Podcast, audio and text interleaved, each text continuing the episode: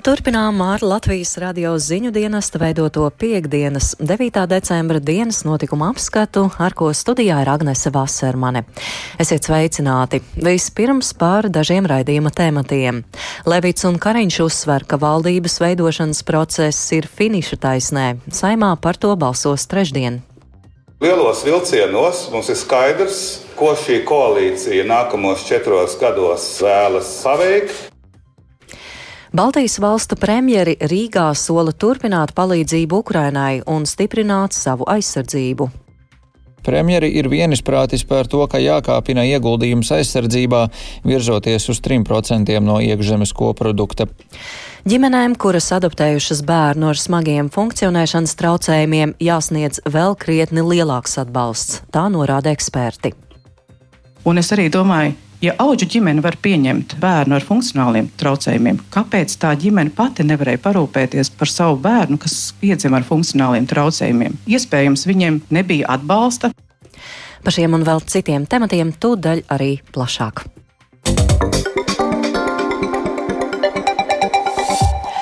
Valsts prezidents Egils Levits ir gandarīts par sagatavoto valdības deklarācijas projektu un gatavību nākamnedēļ saimā jau balsot par nākamās valdības apstiprināšanu.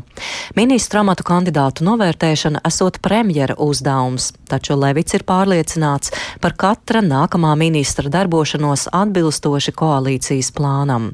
Valsts prezidents arī apliecināja, ka izsludinās likuma grozījumus par jaunas klimata un enerģētikas ministrijas izvēli izveidi un ministru biedru izveidi valdībā.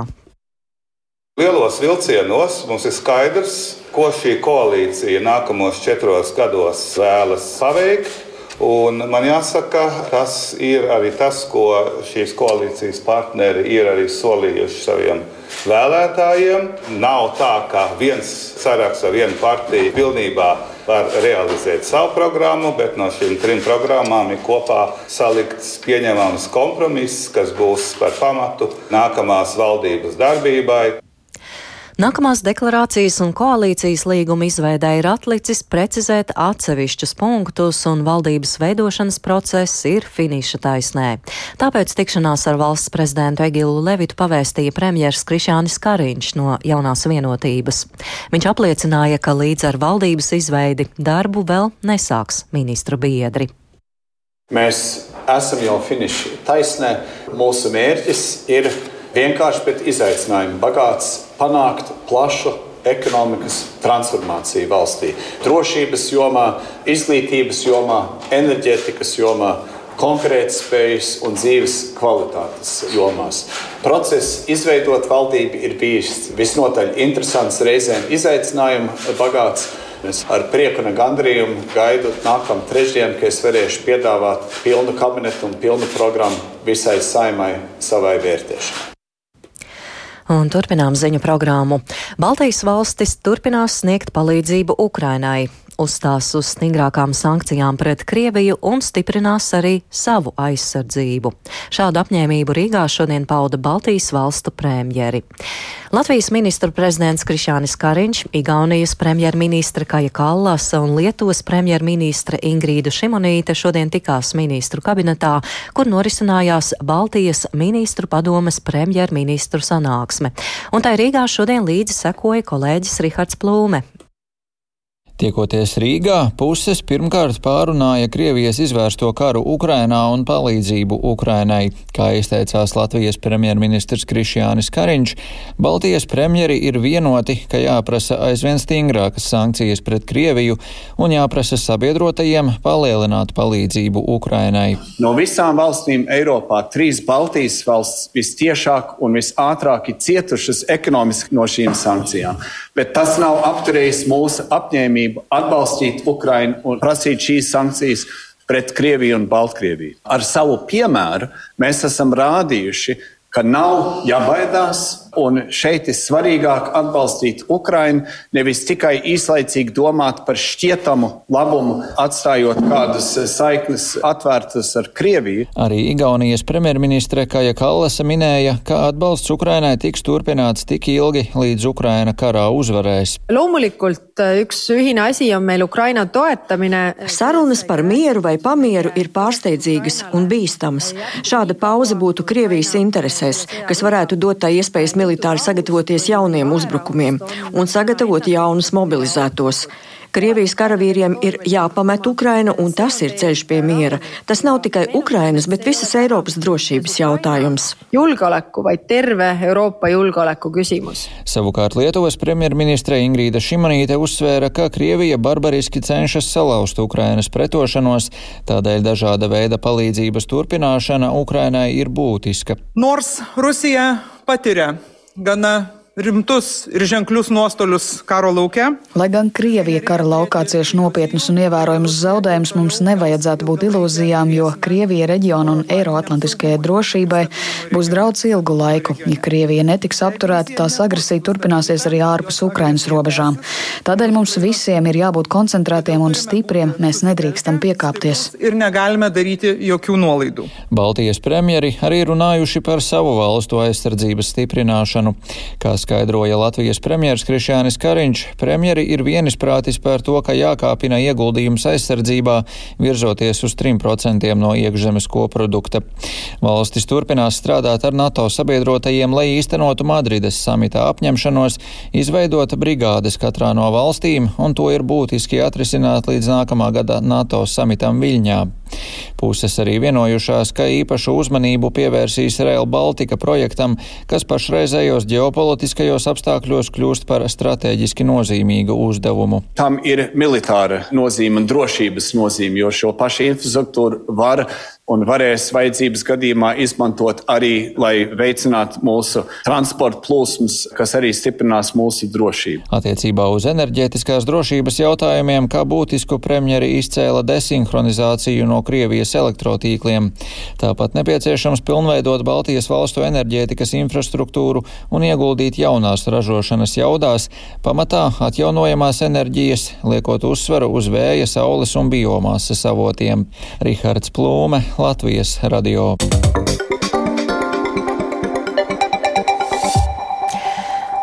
Turpinām ar pēdējās dienās ļoti plaši apspriestu tēmātu, proti Nacionālā elektronisko plašsaziņas līdzekļu padome šonedēļ atņēma apraides atļauju Krievijas neatkarīgiem televīzijas kanālam Dožģi un, kā ziņots lēmumu, pieņēma ne tikai par pārkāpumiem ēterā, bet arī pēc likuma panta par draudiem valsts drošībai un sabiedriskajai kārtībai. Dožģi pusē ir nostājusies organizācija Reportieri bez robežām un Latvijas žurnālistu asociācijas valde uzskatot, ka nepalpē sots ir nesamērīgs pieļautajiem pārkāpumiem. Viedokļus apkopoja Ieva Puķe.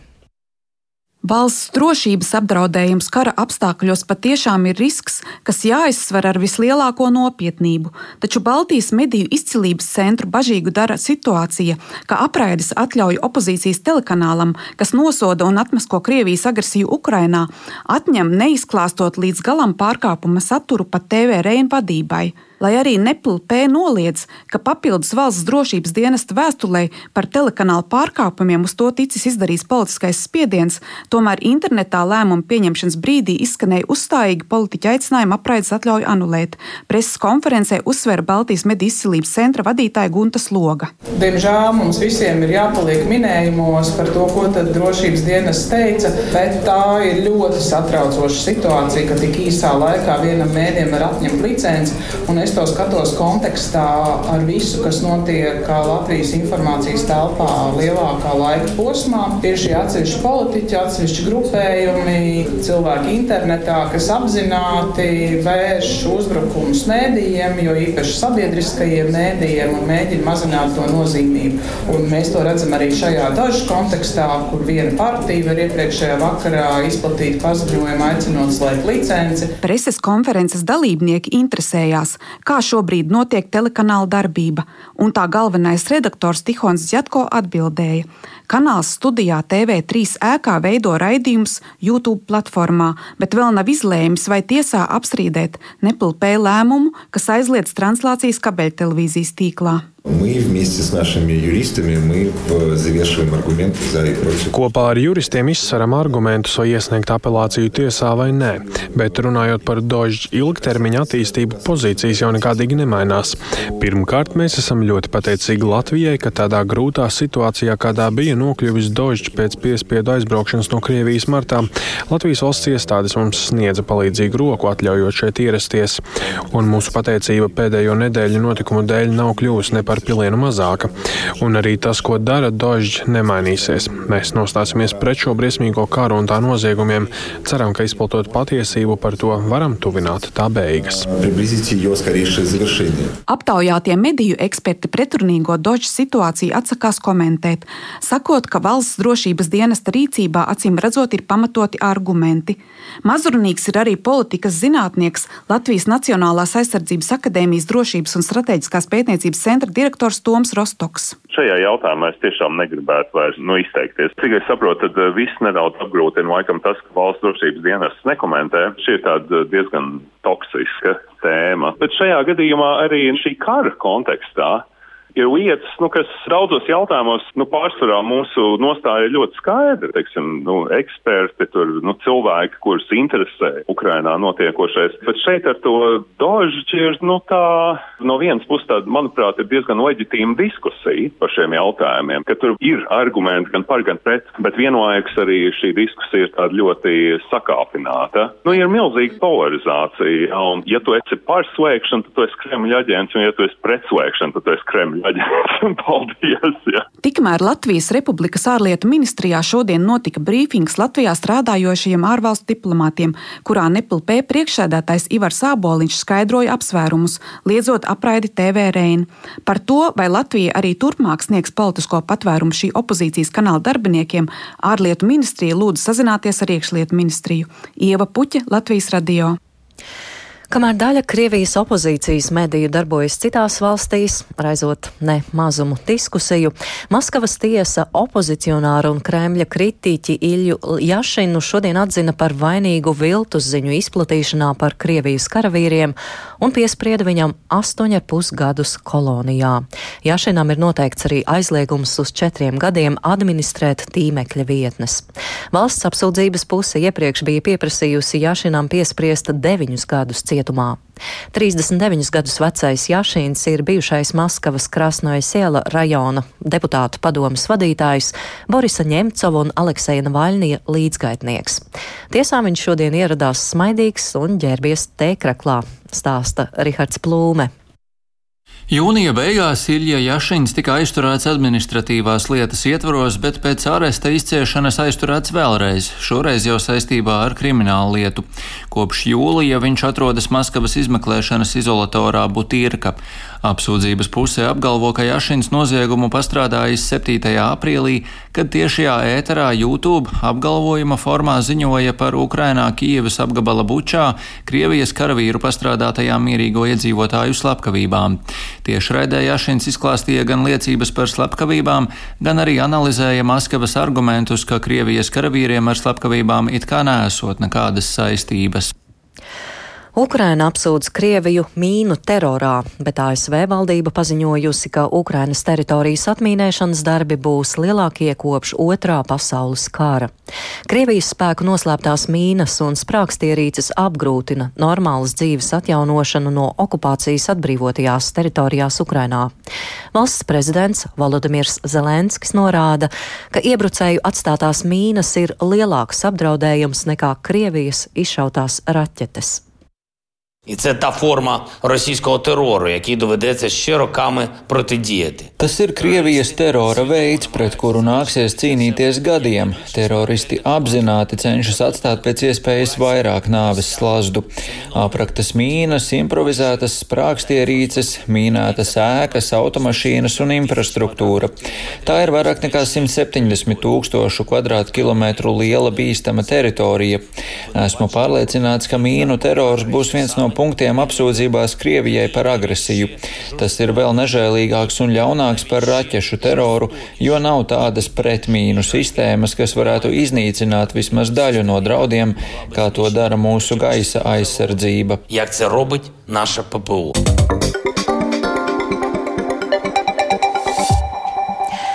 Un atgriežamies pie notiekošā mūsu valstī. Lai arī piesardzīgas prognozes ļauj teikt, ka inflācijas pīķim esam pāri, cenu kāpums vēl dažus mēnešus saglabāsies. Vairāku faktoru dēļ patērētājiem ir cerības sagaidīt ikdienas patēriņa preču cenu samazināšanos, un to var sekmēt arī pircēju uzvedība. Vairāk Jāņa Kīņča ierakstā. Pārtiks izēvielu cenu samazinājumu dēļ un stabilizējoties arī energoresursu cenām, patērētājiem ir tiesības sagaidīt, ka cenas veikalos vismaz neturpinās kāpt. Tā vērtē bankas Luminor eksperts Pēters Strautiņš. Inflācijas rādītāji jau piecus mēnešus ir virs 20%, taču ietekmi uz cenām var radīt arī patērētāju paradumu maiņa un uzvedība, vērtē ekonomists Pēters Strautiņš. Ir skaidrs, ka mēs tuvojamies lūzuma punktam. Jau no pavasara, vasaras sākuma, dažādu izēvielu cenas, pārvadājuma cenas un citas tādas izmaksas, ko mēs ikdienā neredzam, pakāpeniski samazinās, pasaules izēvielām kopumā apmēram par 15%. Tā tad veidojas eh, priekšnosacījumi tam, lai patērētāju cēnu kāpums apstātos un visu patēriņa krosas kopumā varētu kļūt lētāks. Kā to var veicināt? Viens no veidiem ir vienkārši patērētājiem ir jābūt kritiskiem, nepieņemt jebkādus cenu pieaugumus, ja nepieciešams pēc iespējas aizstāt uh, viens produkts ar citiem, kas pārtikas gadījumā noteikti ir vismaz daļai iespējams.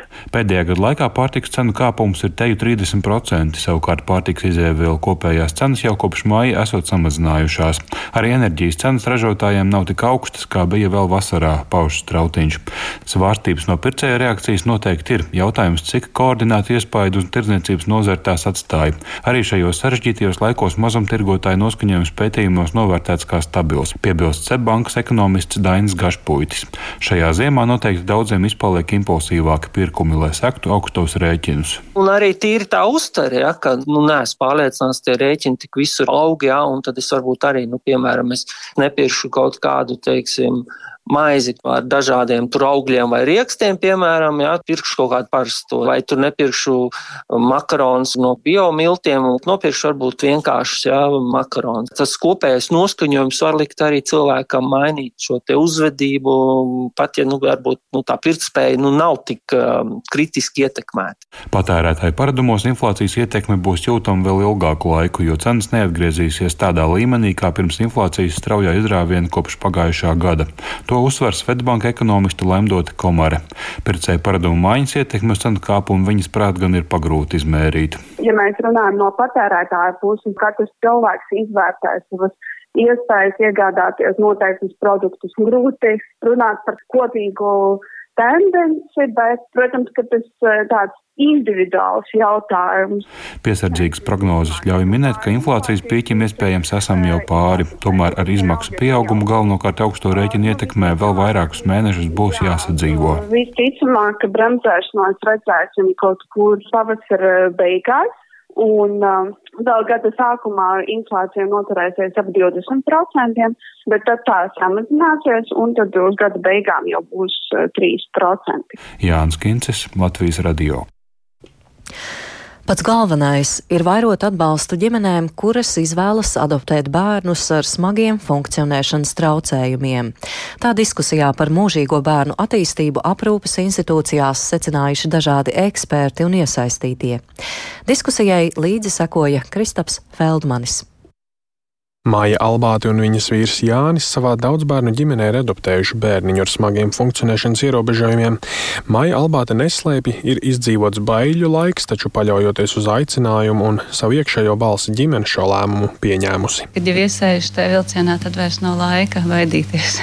Tad ir tikai darbs, darbs, darbs pašam ar sevi un arī ar bērniem nešaubīgi, jo mēs esam tāda diezgan sarežģīta mozaīka, kurā lāsma ienāca. Mums ir daudz gabaliņu, Un tad, kad viens ienāk iekšā, vienalga vai viņš ienāk caur mani nācis, vai viņš ienāk no ārpasaules. Protams, ka tie puzles gabaliņi visi ir apmulsuši. Viņi vairs nesaprot, kurš gabaliņš kurā ies tagad iekšā. Taču tādu ģimeņu, kuras uzņemas šādu grūtu lēmumu un mūžīgos bērnus pieņem, ir krietni mazāk nekā to, kuras šos bērnus atdod valsts institūcijām. Tādēļ šodien aizvadīta diskusija bērni ar smagiem funkcionāliem traucējumiem aprūpas institūcijā, kurp dodamies. Diskusija veltīta bērnu institucionālās aprūpas sistēmas attīstībai Latvijā. SOS bērnu ciemata asociācijas vadītāja Ilze Palaja lūkojoties nākotnē uzskata, uzlabot bērnu aprūpas sistēmu institūcijās var no tām attālinoties. Proti jau šobrīd valstī attīstās SOS ģimeņu un māju tīkls, un tas jāturpina.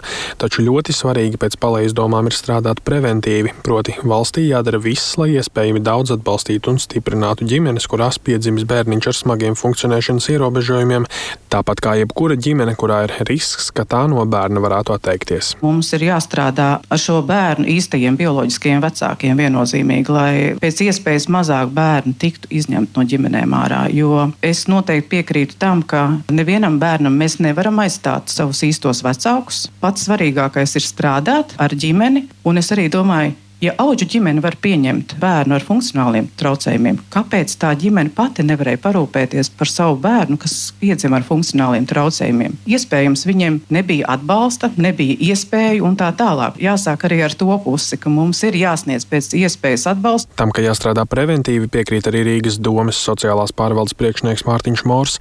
Viņš izcēla, ka valsts šobrīd tērē lielus resursus, lai risinātu problēmas, bet iepaliek ar preventīvo darbu, nodrošinot atbalstu ģimenēm, kurās ir risks atteikties no bērniņa. Savukārt, vērtējot deinstitucionalizācijas gaitu, Mors uzskata, tā šobrīd gluži nesasniedz savus mērķus. Jāsaka, Rīgā mēs bijām diezgan kritiski pret deinstitucionalizācijas projektu, un arī šobrīd īstenībā mēs deinstitucionalizāciju asociējam ar institūciju mazināšanu, nevis ar to, ko faktiski tas nozīmē. Deinstitucionalizācija nozīmē citu alternatīvu iespēju radīšanu, lai bērns var palikt ģimenē. Un šis deinstitucionalizācijas projekts ar visu to, ka viņam ir ļoti daudz visādi labas lietas, ir daudz kas sabūvēts, izmācīts, izvērtēts, ja, bet viņš nerunā tieši par pašu būtību. Jānorāda, ka diskusiju organizēja par godu valsts sociālās aprūpes centra Rīga filiālis Rīga simtgadēji. Kristaps Feldmanis, Latvijas radio.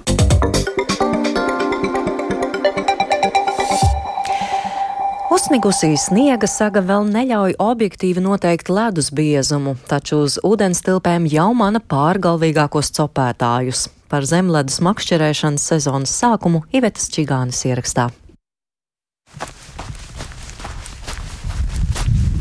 Ludzas pilsētu ieskauj pieci ezeri.